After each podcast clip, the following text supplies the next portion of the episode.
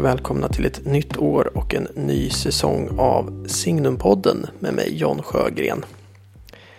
Det här avsnittet ska handla om ett av de verkligt stora teologiska problemen. Det som brukar kallas för teodicéproblemet.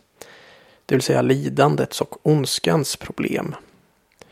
Hur kan en allsmäktig, allvetande och alltigenom god Gud tillåta så mycket lidande och ondska i världen? Med mig för att samtala om denna eviga fråga har jag biskop Anders Arborelius. Biskop i Stockholms katolska stift samt sedan 2017 kardinal i romersk-katolska kyrkan. Det blir ett samtal om Guds tystnad, om bön, om skönheten som ett svar på ondskan, om Guds makt och vanmakt och om en medlidande Gud som gråter tillsammans med människan. Hoppas ni ska finna samtalet intressant.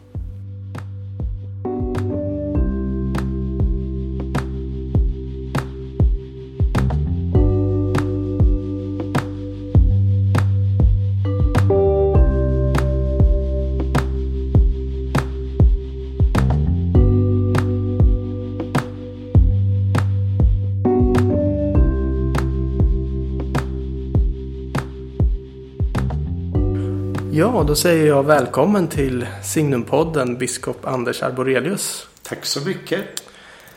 Eh, vi sitter i ditt kontor här på Götgatan. Ett av de mest trafikerade gatorna i Stockholm. Ändå så är det förvånansvärt tyst här inne. Götgatan är ju en livlig gata. Dag och natt är det liv här. Men eh, vårt kontor ligger utåt gatan men min bostad ligger inåt gården så där är alltid tyst och stilla. Ja. Ja. Jag tänker vi kanske kommer komma in lite på, på tystnad sen. Kanske Guds tystnad och sådär. Jo. Eh, för vi ska prata om ett av de stora teologiska ämnena och problemen. Lidandet och, och ondskans problem. Och ja, det där är ju som sagt en, en evig fråga. Jag, jag tänker, ibland tänker jag att det kanske är den mest ursprungliga av människans frågor, egentligen existentiella frågor. Jag vet att det finns bibelforskare som menar att Jobs bok, den då gammaltestamentliga boken som eh, allra mest eh, handlar och brottas med det här problemet, att det är den äldsta texten i hela bibeln. Alltså äldre än, än skapelsemyterna som, som inleder Bibeln. Ja. Vilket ju då antyder att människans största fråga är kanske inte varför finns världen? Utan varför finns lidandet? Det är riktigt att det är en brottningskamp från början till slut av vårt liv att eh, komma in i ett förhållande till lidandet. Jag skulle nästan säga att bli vän med lidandet. Det låter lite hårt men eh, om Gud har delat lidandet med oss genom att bli människa då är det ju faktiskt någonting annat Mm. än bara något ödsligt och tomt eftersom Gud har stigit ner i detta. Och det är väl det som är för oss kristna den stora, om man kan nu säga så, glädjen att lidandet är inte bara tomt utan vi delar det med Gud. Mm. Precis. Jo, det är ju den... Eh, jag tänker att vi kan eh, tränga djupare in i det kanske senare också. Eh, precis, det blir ju på något sätt det kristna svaret att Gud lider med oss. Men om man... Det finns ju så många sätt att, att angripa det här problemet. Eh, jag tänker mig, det är ju mycket en pastoral fråga också. Alltså, om, man, om jag börjar med att fråga dig så här då. Om jag kom till dig i en, i en pastoral situation så att säga och, och, och sa att eh, ja, men jag, jag har gått igenom ett, ett stort lidande. Eh, en familjemedlem kanske har hastigt gått bort eller, eller så. Och jag, jag, kan, jag kan inte se, jag kan bara inte förstå hur, hur Gud kan ha, tillåta det här. Ja. I, I liksom vilken ände börjar, skulle du börja då i ett sånt möte med, med, en, med en lidande människa? Så i varje pastoralt möte är ju att lyssna egentligen. Eh, vi präster tror att vi alltid måste säga en massa saker och förklara. Och, men det folk egentligen förväntar sig är att man lyssnar. Och eh, då brukar det alltid finnas en liten öppning när någon talar om ett lidande. Jag tror det är värre när man inte kan säga att man lider eller inte vill låtsas om det eller skjuta undan det.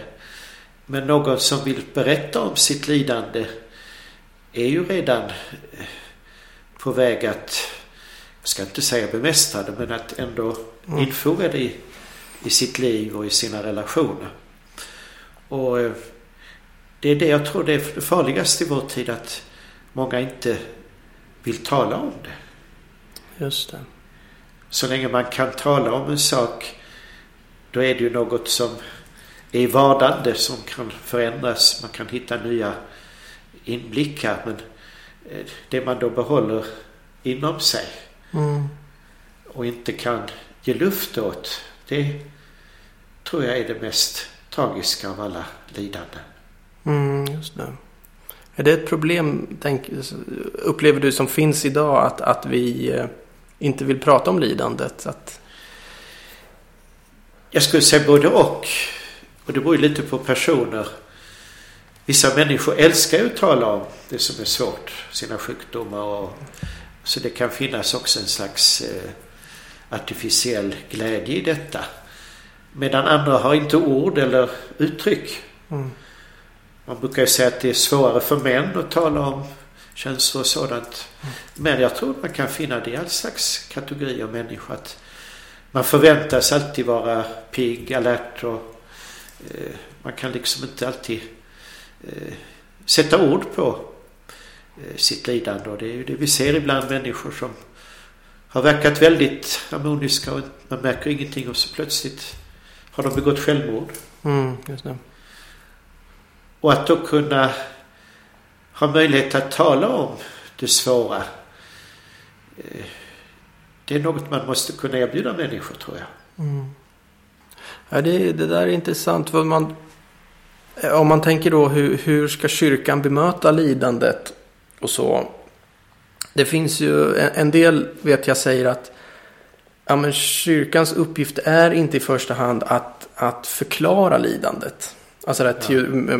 teodicé-problemet är det ju egentligen vi pratar ja. om här alltså. Ja. Och teodicé är ju då att försöka ge någon slags förklaring till varför, hur kan Gud tillåta detta och så. Utan, utan säger du, ja men kyrkans uppgift är mer att vandra med den lidande. Och det är ju lite det du säger att det pastorala mötet det är, det är att lyssna då framför allt. Eh, och det tror jag att det ligger mycket i. Samtidigt så, så vet jag eh, påve Emeritus Benedikt eh, pratade ibland om vad han kallar för, jag tror han sa intellektuell diakoni. Eller något sånt där. Ja. Att eh, ja, det kan finnas något eh, pastoralt vårdande också i det här att faktiskt försöka ge en intellektuell eh, förklaring eller teologisk förklaring till, till hur Gud kan tillåta det... lidandet och så. Hur, hur, tänker du kring det? Alltså, liksom allt mänskligt kan man ju närma sig det från väldigt olika håll. Mm. Och det är riktigt, alltså eh, vi har ju fått vår förnuft, vår intelligens för att kunna använda det. Och, mm. det är också en av kyrkans uppgifter att eh, hjälpa människan att med sitt intellekt försöka förstå eh, eller i alla fall få en aning om vad lidandet är. Mm. Sen vet vi att det som är ett lidande för en behöver inte vara för en annan. Just det. Och eh, det klassiska är ju i teologin att man eh, ja, att man ser på den korsfäste. Att man eh, i bön, begrundan, står inför honom. Och sedan, ja, utifrån det lidandet som Gud har delat med oss försöker förklara det lidande det är frågan om. Mm. För det är ju lite annorlunda att förklara för ett barn att inte kan få allt det vill ha. Eller till en äldre människa som tycker att de inte fått någonting av livet. Mm. Fast egentligen är det ju något av detsamma. Alltså vår mänskliga fattigdom och förmåga som gör att vi, ja, vi blir ofta nollställda inför livet när det drabbar oss med sina svåra sidor. Mm. Ja, verkligen. Jag tänker i vår... Det finns en styrka också i den kristna traditionen i att eh, i, jag tänker på Saltarsalmerna, jag tänker Ja. på, på Jobs bok som jag nämnde tidigare. Det, det finns ju ett språk för lidandet. Ja, Och det är helt okej om man säger så. Att i bön också ställa de här varför-frågorna till Gud. Alltså det är helt... ja, Eh, ja, jag hörde en berättelse en gång, en anekdot som jag tyckte var väldigt eh, talande och fin. Det var en mamma som hade ett eh, svårt sjukt barn på ett katolskt eh, sjukhus. Eh, och utanför sjukhuset så fanns det en, en eh, staty av Maria. Ja. Och så när det var som mörkast då, det, det såg ut som, som barnet inte skulle överleva, då, då gick mamman ut och i förtvivlan då började kasta sten på den här statyn ja, av Maria. Och då var det någon som såg det och som skulle springa fram och stoppa henne. Du kan inte kasta sten på Maria. Men då var det någon präst där som, som hindrade henne och sa nej, men nej, nej, ser du inte att hon ber? ja, jo, Och jag- tänker det... Ja, det är en fin bild. Alltså det, jo. Mm, Och det tror jag är för många eh, något av det mest befriande att man kan kasta all sin sorg, sin uppror, sin oförståelse i ansiktet på Gud. mm, Man kanske inte gör det med människor men i sin brottning med Gud måste man ju kunna säga allt vad man bär med sig. mm, Och bara det ger ju ett slags helande. Att, eh, det finns någon som alltid lyssnar, som alltid förstår, som alltid står bredvid. Och för många har ju också Maria den här rollen i, mm, i det kristna livet. Att, eh, som en diktare, jag kommer nog inte ihåg vem det var, att det är som ett fågelbo där vi kan lägga våra sorger. mm, Eh, och säkert har vi mött sådana människor också som har den här kapaciteten att ta på sig andra människors lidande Mm. och bära det. Det är, tror jag att är bland de stora andliga barmhärtighetsverken att kunna härbärgera människors lidande. Man kanske inte kan ge ett logiskt svar alltid men att finnas till hands och höra och ta till sig det. mm, Det tror jag är väldigt avgörande mm. att ha.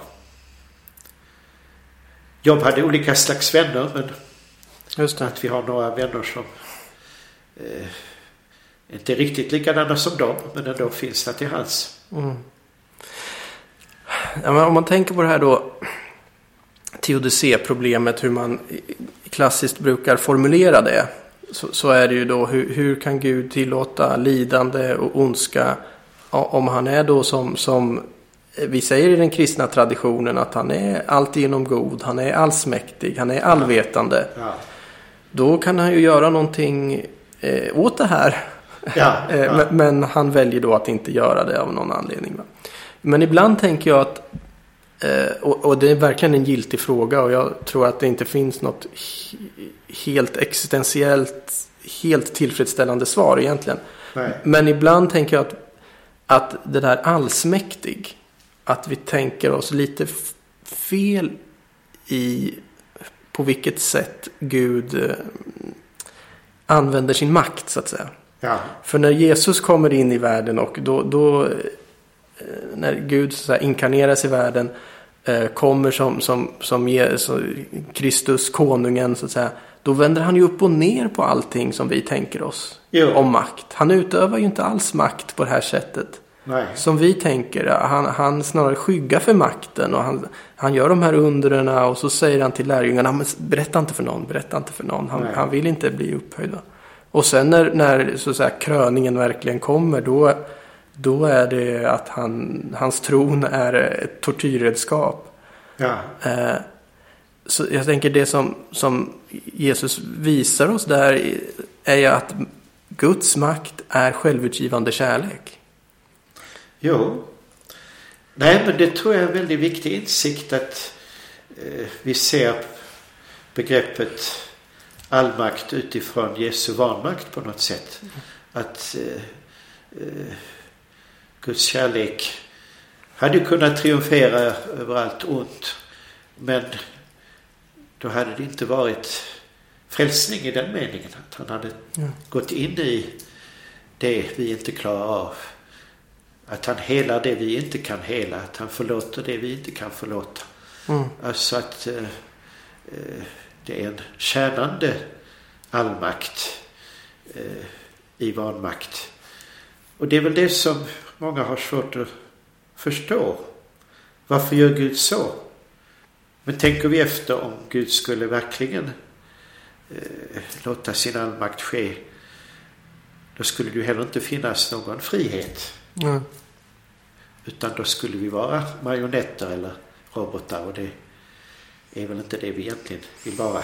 Det är ett värre alternativ så att säga. Ja. Mm.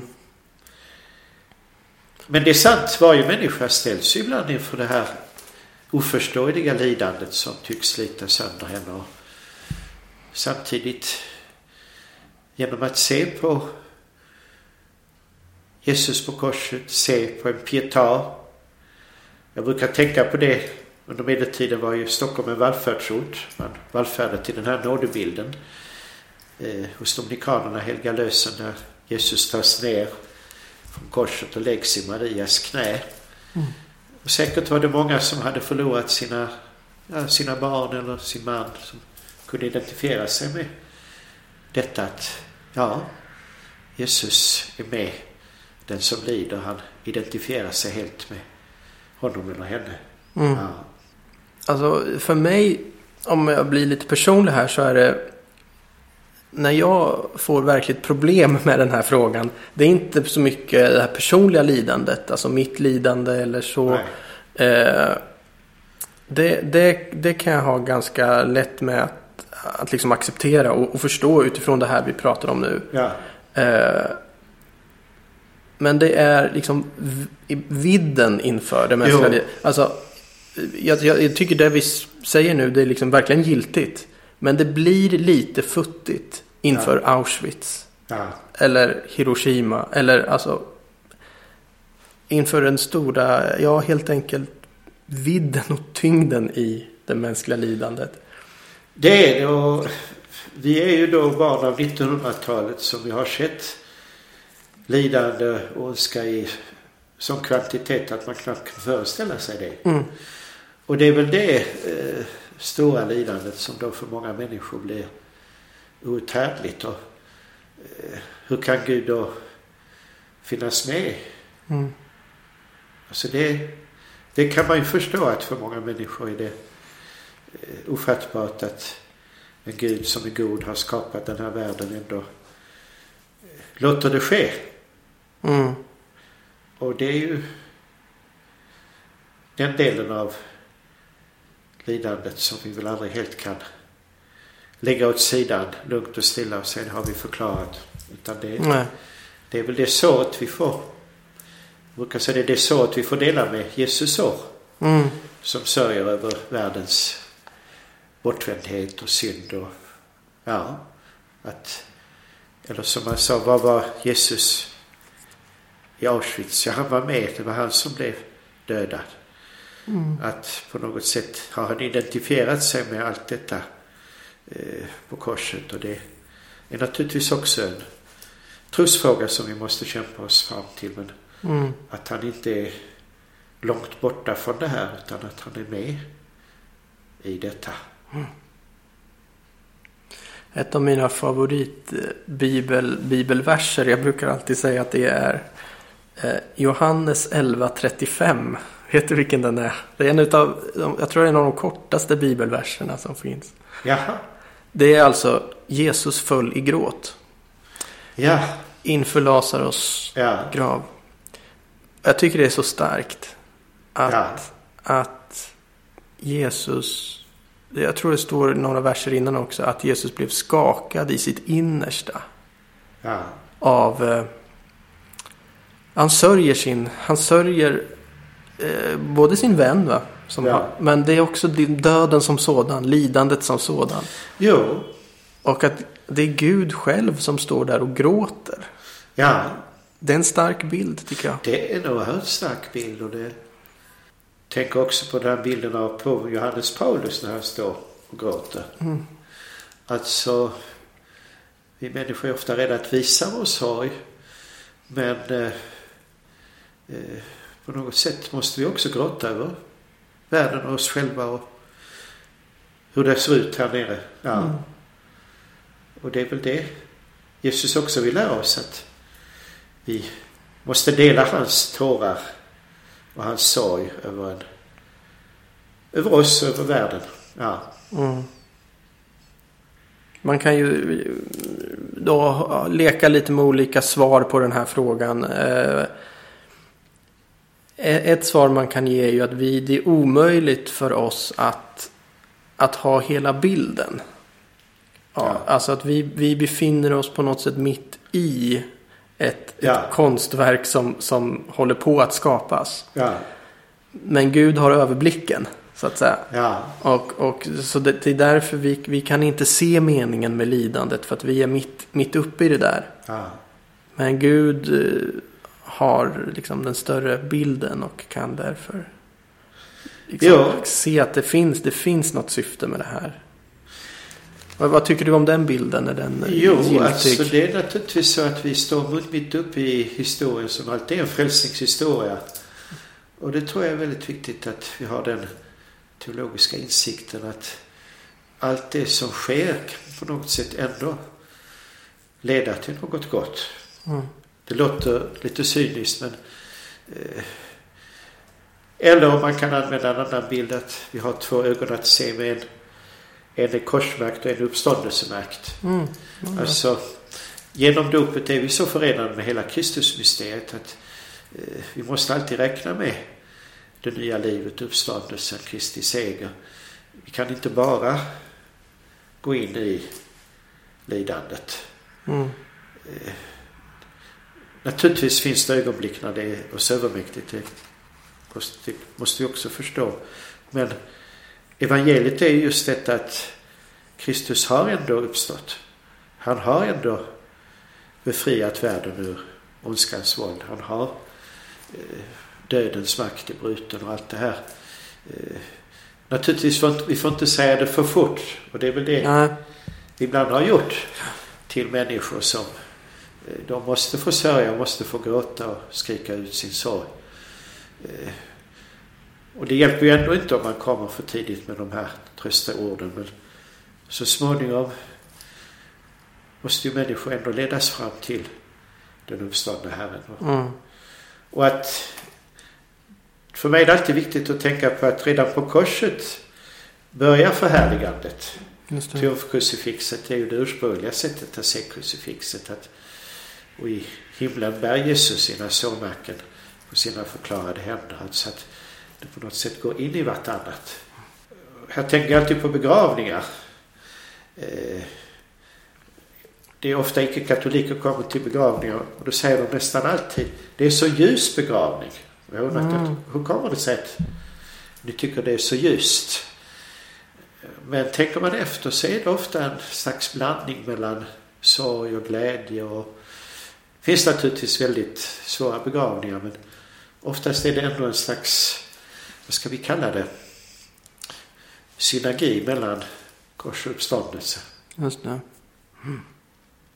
Ja, påskens liturgi innehåller både långfredagen och, och, och eh, tystnaden däremellan. så Ja. att säga, då, då Gud faktiskt är, är död.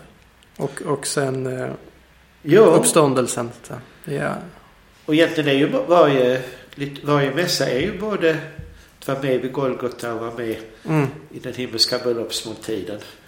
Och samtidigt sitta där och vara lite förströdd och tankspord. och- Alltså det är ju alla dimensioner som möts. Mm, Och det är ju det sakramentala livets styrka att vi hela tiden då eh, har en upp, osynlig uppkoppling till den andra världen. Mm. Även när vi inte tänker på det eller är riktigt inne i det där. Och, och det tror jag också eh, har med lidandet att göra att eh, ibland tappar liksom den där eh, kontakten eftersom det är så kompakt lidandet. Och eh, då får vi ju tro att ja, då är det vår uppgift att bära detta tillsammans med Jesus för världen. Att vi är, det finns också ett, en lidandets solidaritet ju. Mm. Inte minst i bönen. Det är ju den kristna mystiken väldigt tydlig på att det, är inte bara frid och fröjd i bönen. Nej, visst. Det är fint att du kommer in på det. För jag tänkte just att vi skulle prata lite om, om, om det också. Jag, jag lyssnade på ditt sommarprogram som du hade för ett par år sedan. Var det det Jo, var i det samband med att du blev kardinal, tror jag. Ja. Ja. Och eh, då pratade du om ditt liv och pratade om ditt liv i klostret och så. Och då lyfter du fram just det, alltså bönelivet. Att det handlar mycket om att be just för de som lider. Ja, Och jag, jag tänker för någon som är helt utomstående. Som kanske inte själv är i kyrkans värld. Så kan, Ja. tror jag man kan tycka att det där verkar lite lustigt. Alltså Ja. att man går i kloster då och, och på Ja. något sätt då stänger sig ute från världen och ber för de lidande. Det är nog lättare tror jag för en utomstående att förstå kyrkans sociala välgörenhetsarbete och så. Det, då gör man ju verkligen någonting. Ja, ja. Man tänker för de lidande. Ja. Men, att, men att sitta i ett kloster och be för de som lider. Vad, ja. vad hjälper det? Så tänker jag att en, en vanlig sekulär svensk kanske kan tänka när man, när man hör det. Det kan jag absolut förstå att eh, de tycker det är lite... Eh, samtidigt är man förvånad att så många som säger att de inte tror på Gud ringer till, till exempel till ringer. Åh, be syster det. Ja, jag tror inte på Gud men ni kan väl be ändå. Mm, Och det är... Alltså människan är ju inte en logisk varelse det... Det kan naturligtvis också vara ett lite lättköpt svar att oh, i klostret där ber vi för alla er. Mm. Men eh, jag brukar säga när man verkligen ber för de lidande då är det ju att man själv också lider på något sätt. mm, Att man är med i det här. Det kan bero på andra orsaker. Att man har hälsoproblem eller vad jag. Eller att man inte trivs i klostret. Men mm, att man på något sätt genom sitt eh, lidande identifierar sig med andra människors lidande och på något sätt drar med sig dem inför Gud. Mm. Eh, Att det finns en slags osynlig solidaritet. Eller som Teresa av Jesusbarnet säger att jag får äta Guds förnekarnas torra bröd. Jag får dela deras lidande och deras tomhet på något sätt. Även om de kanske inte erfar det som en tomhet. Så... Eh, och det ligger väl lite i det kontemplativa livets kallelse att man på något sätt får bära eh, andras lidande men kanske också deras glädjeämnen. Att man ett slags ställföreträdande skap för världen. Stå inför Gud för deras skull som kanske inte kan be eller inte känner Gud. Mm. Ja, precis. För du pratade i det eh, sommarprogrammet också om en mystisk solidaritet med de som lider. Ja, Är, är det, det, kanske är det som du sa ja nu? alltså vi talar ju om det heligas gemenskap. Att det finns någon slags osynlig solidaritet mellan människor. Det ser man ju redan på det sekulära planet. Många, eh, vad ska man säga, goda hedningar är ju väldigt solidariska med den fattiga delen av världen. Alltså, Mm. Det finns en slags eh, förståelse för att vi människor är en gemenskap. Att vi på något sätt måste stödja och hjälpa varandra. Alltså både rent materiellt praktiskt men också andligt Mm. eh, mystiskt. Och att eh, eh, det är det Jesus gör när han lider på korset. Det är inte bara hans lidande utan han drar in så att säga hela världens lidande från tidens början till dess slut i sitt hjärta. Om man ska uttrycka det lite mänskligt att han eh, är aldrig långt borta från något lidande utan han eh, vill på något sätt göra det så att det bär frukt för det nya livet och den nya skapelsen.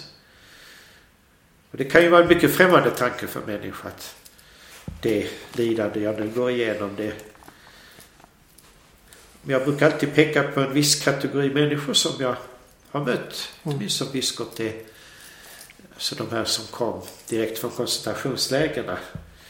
Som ofta var providentiella för att bygga upp våra församlingar. Och, och eh, jag måste säga alla de jag har mött eh, hade något väldigt försonat över sig.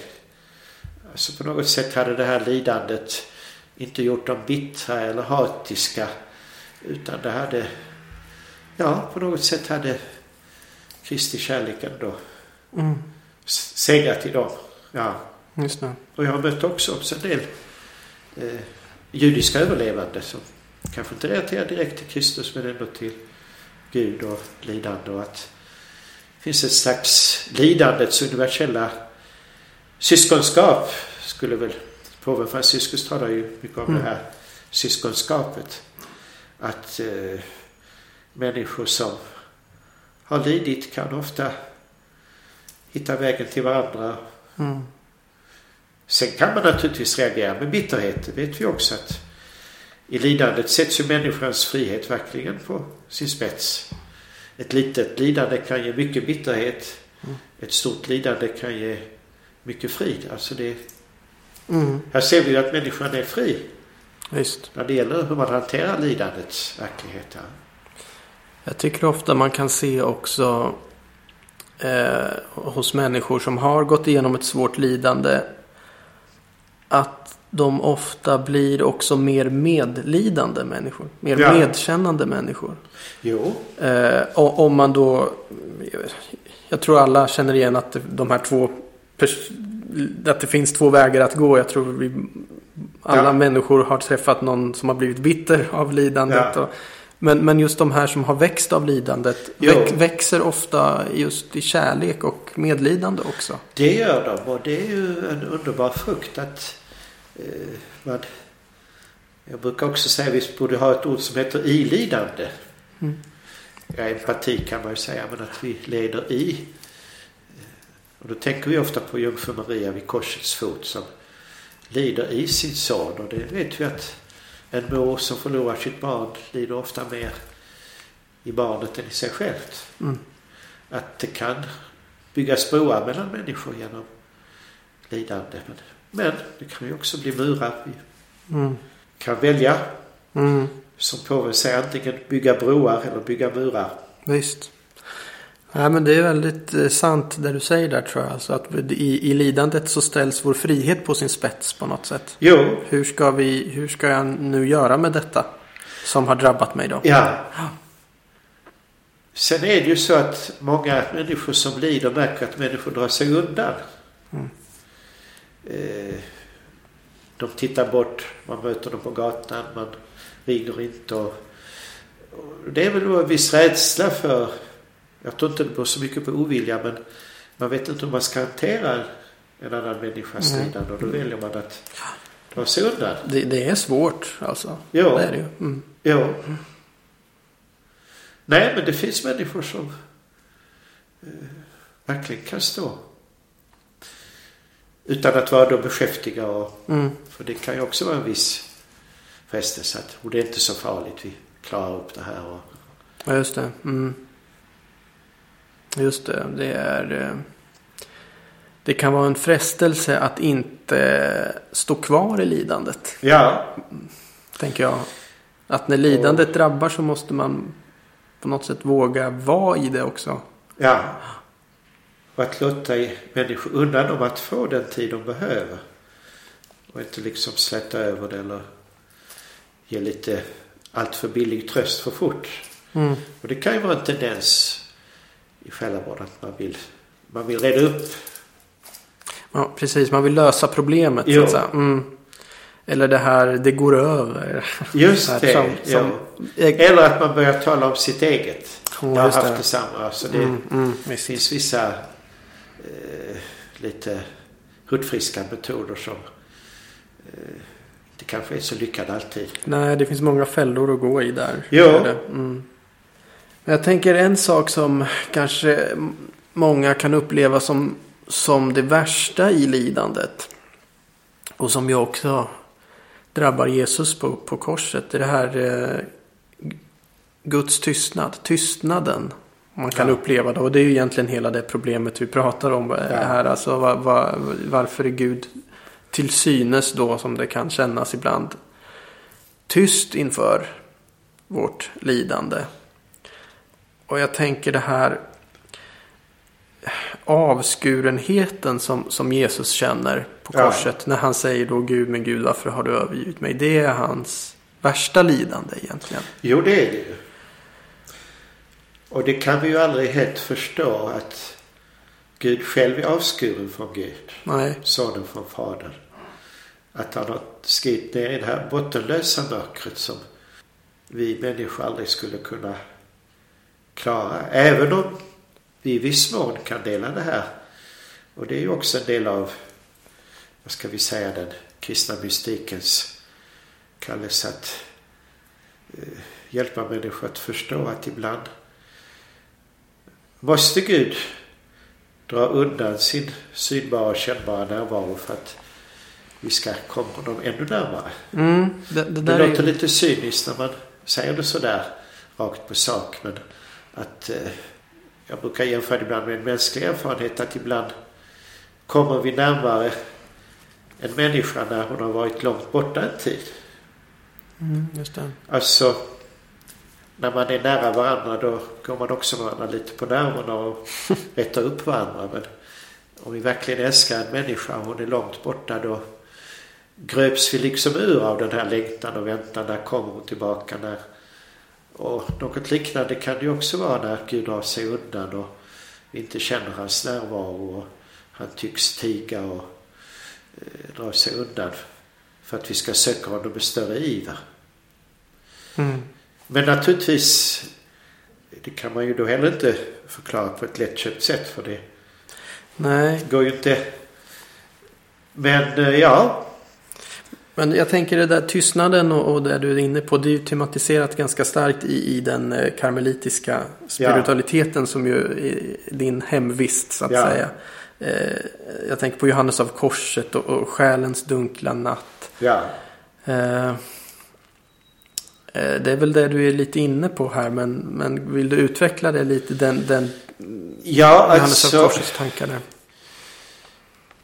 Det är ju så att den dunkla natten eh, är då en slags, vad ska vi kalla det, en förklaringsmodell för något vi inte egentligen kan förklara. Alltså att eh, Gud är större än det vi kan uppfatta, känna, märka. Och att vi ofta använder då våra eh, rent eh, naturliga sinnesförmögenheter. Och det är då vi måste säga att det går inte. Gud är större än allt detta. Och det är ju därför man då betonar väldigt starkt att man måste använda sig av tron, hoppet och kärleken. De teologala dygderna som då kan förmedla den här kontakten på ett djupare plan. Men då utan att ge oss då de här, vad ska vi kalla det, mer sinnes eh, tillfredsställelse. Mm. Alltså det en helt annan nivå som vi måste lära oss att upptäcka. Och eh, ändå tror jag att de flesta människor anar att om jag ska möta Gud i hans fulla mysterium då kan jag inte kontrollera honom och hantera honom på samma sätt. Utan jag måste på något sätt utblottas på min egen eh, längtan efter att hantera, begripa, manipulera och Mm. Alltså jag måste bli helt fattig inför honom. Och det är, är ju inte behagligt att vara fattig. Nej, nej. Det är det ju inte. Den andliga fattigdomen låter ju väldigt fint men att vara fattig i anden är ju väldigt hårt. Det kan vara plågsamt. Mm. Men eh, ofta får man ju, och i små doser skulle jag säga, och nästan alla människor har väl också många troende har ju erfarit detta att Gud Varför är du så långt borta? Varför är du så tyst? Mm. Just när jag behöver dig. Eh, Men att det skulle kunna föra oss in på en djupare väg. En mer självutgivande, utblottande kärlek. Just det. Men som sagt, det är många då som ryggar tillbaka inför mötet när Gud kommer så nära. Att, eh, och det är ju det som är en av själavårdens stora uppgifter, att hjälpa människor att hålla ut i, i det som de erfar som tomhet och tystnad. Just det. Har inte Johannes av Korset också den bilden av Alltså det blir mörkt men det är för att vi blir bländade. Jo, alltså det är en stråle av mörker som ändå lyser upp oss. Alltså, eh, och det är ju det då som är det hoppfulla att kristna livet är både kors och uppståndelse, både lidande och glädje, både ljus och mörker. Och vi vet ju själva inte riktigt vad vi behöver bäst. Vi Mm. tror att det ska vara på ett visst sätt, böneliv och vårt, men Gud vill ofta någonting annat och att du accepterar det. Att det kan vara ett väldigt tomt, lite halvtråkigt, jag brukar alltid som Skåne i november. Ja, Birgitta det. Skildrar ju de här polska bäddplockerskorna som ligger i leran Mm. och det regnar och ja, Ett det är en kargt riktig bild landskap. av Ja, det här just det. eh, lite ödsliga, tråkiga, hopplösa Mm. livet också rymmer. Visst. Ja, jag, jag tror att det är väldigt eh, sant alltså att kunna eh, vara i det där mörka och dunkla och, och eh, hantera den här tystnaden. Samtidigt tänker jag ibland att ett, ett svar, jag tror inte det finns liksom ett, ett svar på, på lidandets problem och ondskans problem. Men ett svar som jag har funnit eh, var någorlunda giltigt i alla fall. Det är att eh, måste säga, skönheten som ett slags svar Ja, på ondskans och lidandets problem. Jag tänker på eh, Jobs bok då till exempel. ja, När Gud faktiskt svarar till slut. Vilket jag tror är det längsta i Bibeln där Gud säger någonting. Alltså så, där det, det Ja. hans längsta tal. Så. Då, då säger han ju något i stil med. Ja, men vart var du då? Jobb. Jobb anklagar honom då för det här. Ja.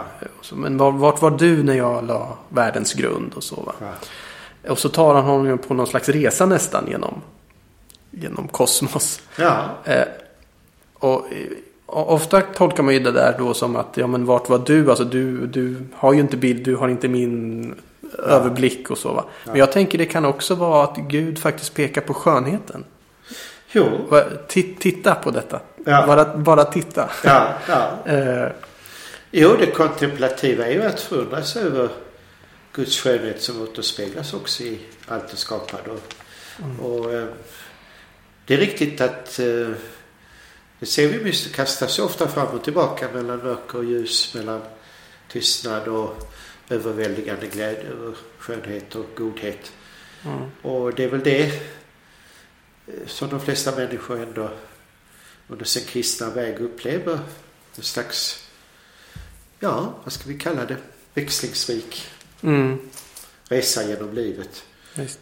Sen kan det vara att vissa kanske står mer under korset. Man brukar säga att den västerländska kristenheten står längre vid korset medan eh, den österländska står längre vid den tomma graven och uppståndelsen. Just det.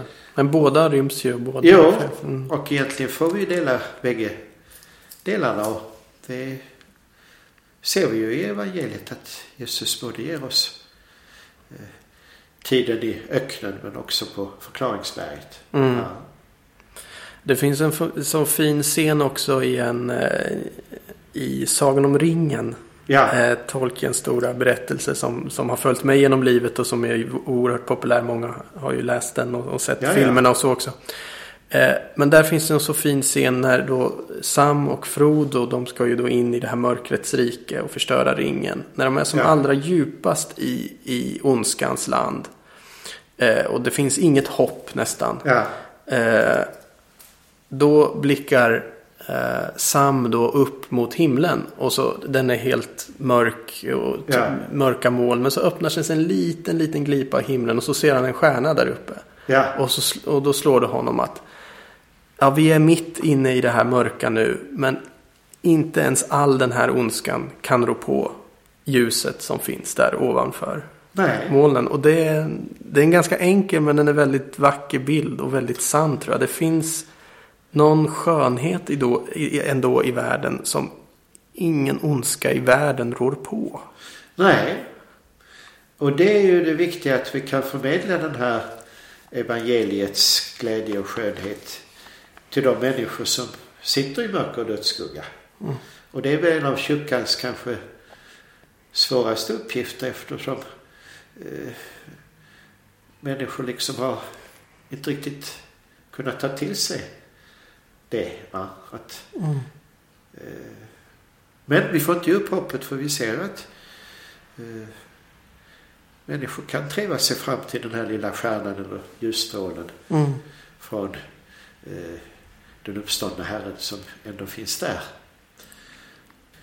I ett stort lidande räcker det ibland med en liten, liten, vad ska vi kalla det, ljusstråle för att man ska kunna orka gå vidare. Mm. Och att vi också kan förmedla det till varandra. Det tror jag är väldigt viktigt för människor att förstå att ibland behövs det så lite till en lidande människa. Mm. Ibland räcker det bara att man nickar lite vänligt eller Visst. alltså eh, vi behöver inte vara rädda att för lidande människor. Det tror jag är väldigt viktigt att komma ihåg att eh, vi kan betyda mer för dem än vi tror. Mm. Jag tänker ska, om vi ska försöka runda av det här lite, knyta ihop lite säcken. Ja, Eh, vi har ju varit inne på det, det har väl varit som den röda tråden egentligen i hela vårt samtal här. Men eh, skulle man kunna säga så här att det kristna svaret på något sätt på lidandet och ondskans problem. Det är att Gud lider med oss. Är det, är det Guds medlidande? Är, är det åt det hållet vi ska peka? På korset så att säga. Eh, det tror jag är viktigt att lidandet är något, alltid något delat. Vi ser det också på det mänskliga planet. Att eh, någon som delar lidandet med oss hjälper oss att hantera det. Och är det då Gud själv som tar på sig det, då är det ju något ännu mer eh, något ännu större och mer oerhört att den Gud som står över allting annat och som inte vet vad eh, ondska eller något ändå vill. Som någon sa, Gud blev människa för att dela en erfarenhet han aldrig hade gjort. Mm. Det låter lite för mänskligt kanske, men ändå. Att eh, Gud ville inifrån se vad det är att vara människa och att vara att lida. Och att det är då den delaktigheten som är själva frälsningens livsnerv egentligen. Att det är ett delat lidande, allt mänskligt lidande. Och det är därför Jesus identifierar sig med alla fattiga, nakna, lidande människor för att vi ska möta honom i dem. Mm. Så visst skulle vi kunna på något sätt sätta det som en slutpunkt men också som en begynnelsepunkt. För det är ju något man liksom själv måste leva sig in i mer och mer. Och det finns ju ögonblick när inte ens det kanske hjälper oss i vår smärta och vår sorg eftersom vi måste utblottas ännu mer på vår egen själviskhet och vår egen eh, på vårt egna. Så att, men visst är det det stora att vi tror på en Gud som ville dela vårt lidande och också bära det med och för oss. För att vi skulle nå fram till den fulla sanningen, skönheten och godheten i hans eviga härlighet. Vi låter det bli slutpunkten här för vårt samtal. Tack så mycket biskop Anders Tack Abelius själv. för att du gästade Tack. Signumpodden. Och eh, tack alla ni som har lyssnat och lyssna gärna på oss igen i nästa avsnitt. Hej så länge.